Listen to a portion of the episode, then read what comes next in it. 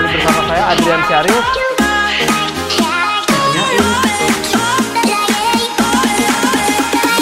Jangan lupa like, komen, subscribe, dan nyalain bell notification-nya ya. Sama halnya kayak di peer-to-peer lending, banyak orang yang nanya aku, berapa banyak sih dana yang aku masukin dari total portfolio aku ke auto trade atau robot forex atau copy trade dan sejenisnya. Aku jawab jujur aja, nggak lebih dari 10% total portfolio aku. Terus banyak yang kaget. Kok itu kan uh, untungnya jauh lebih tinggi dari peer-to-peer lending, dari saham, kenapa kok kok nggak masukin lebih banyak? Aku aja 50% di situ. Ya saya jawab sih sederhana aja. Karena saya goblok, gitu ya. Saya goblok karena ada cuan yang lebih besar, saya pilih cuan yang lebih kecil.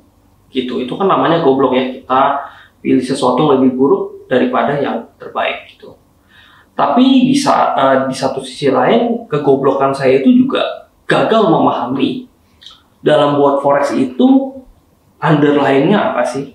Ya, underlying itu kita bicara apa ya? Semacam fondasi lah gitu. Saya juga jujur kurang bisa menjelaskan tentang teori underlying itu. I ibaratnya gini, kalau kita investasi di saham, underlying-nya itu adalah perusahaan yang menjual sahamnya tersebut. Kayak gudang garam itu underlying-nya adalah perusahaan gudang garamnya, produk gudang garamnya. Kalau kita pendanaan peer-to-peer lending, underlying-nya ada invoice untuk invoice financing atau budidaya yang sedang ditanam. Kalau kita mendanainya agrikultur. Kalau konsumtif bisa dibilang underlying-nya identitas si peminjam. Ada juga yang berbasis agunan gitu. Sedangkan di bawah forex saya bingung. Memang sih ada yang menjadi objek trading ya antara itu forex atau kripto transaksinya bisa kita lihat gitu. Tapi nggak teregulasi gitu ya, nggak teregulasi, nggak ada user agreementnya juga. Padahal kita sekarang daftar main game aja, kita beli barang di online aja itu semua ada user agreement, ada privacy policy Kenapa di port forex ini nggak ada satupun yang memiliki nggak usah perjanjian tertulis deh. At least penjelasan tertulis aja lah cara kerjanya gimana dan siapa yang bertanggung jawab.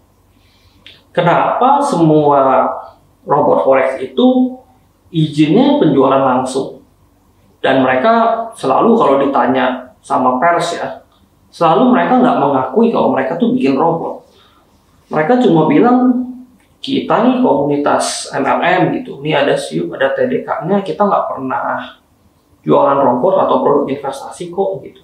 Itu membernya sendiri yang ikut-ikutan, jadi kita nggak bisa tanggung jawab ya gitu.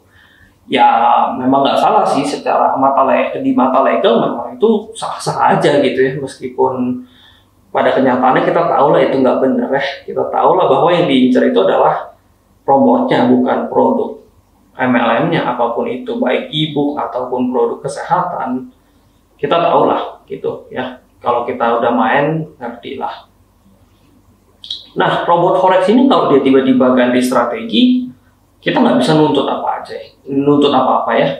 Dia awalnya bilang uh, target profit satu persen batas ambang batas loss 5%, tiba-tiba suatu hari dia margin call mau nuntut siapa gitu orang nggak ada perjanjian. Emang gue janjiin lu gue nggak bakal margin call nggak kan gitu.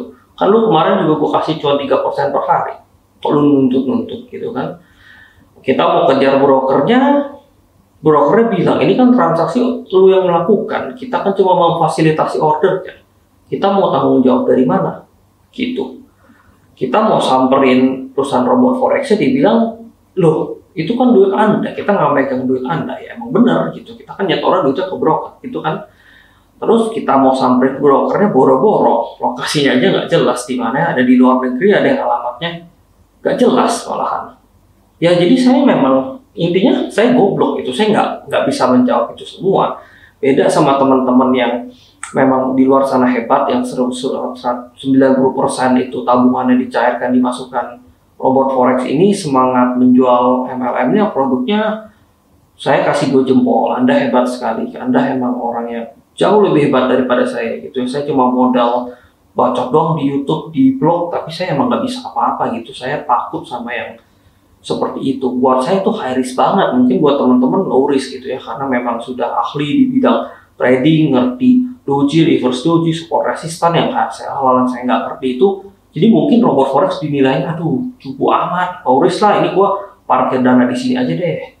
Tapi ya bagi saya gitulah, bagi saya yang goblok ini yang cukup ya saya milihnya sih yang lebih uh, safe aja lah ya reksadana gitu ya yang sudah ratus-ratus tahun berhasil membuat orang sukses pensiun gitu ya yang sudah regulasinya jelas ada underlyingnya buat saya yang high risk itu peer to peer lending aja yang memang regulasinya pun masih abu-abu ada potensi hilang dana sepenuhnya ya itu buat saya sudah high risk banget jadi robot trading yang returnnya di atas peer to peer lending bagi saya ya risikonya itu very very high, sangat-sangat tinggi sekali. Makanya saya cuma berani 10% porto di sana. Itu. Nah, jadi um, kesimpulannya sih gitu ya. Aku cuma taruh 10% lah portfolio aku di forex ini. Uh, itu memang uang yang sudah aku siap hilang kapan aja gitu ya.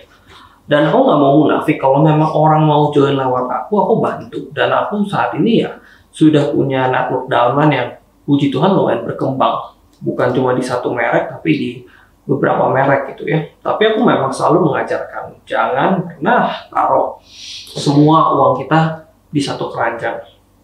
Meskipun investasi lain itu returnnya lebih rendah, ya nggak apa-apa. Kita sebar aja di beberapa. Yang penting risiko kita minim gitu ya. Kalaupun memang mau main banyak di robot forex, ketimbang naruh banyak di satu robot, kenapa nggak coba di banyak robot aja? Satu, sekalian dibandingin performanya. Kedua, kalau emang satu ambruk, nggak tahu nih gara-gara apa, mungkin margin call, mungkin brokernya tutup, meskipun di komen YouTube saya sih banyak yang bilang broker nggak mungkin tutup. Ya, semoga aja begitu. Intinya kalau satu kenapa-napa kan, ya harapannya nggak ikutan jatuh lah yang lain. Minimal kalau misalnya ada efek chain reaction ya dalam satu bulan seling-seling lah gitu ya kita masih ada waktu untuk withdraw jadi gitu jawaban aku semoga cukup menjawab sekian terima kasih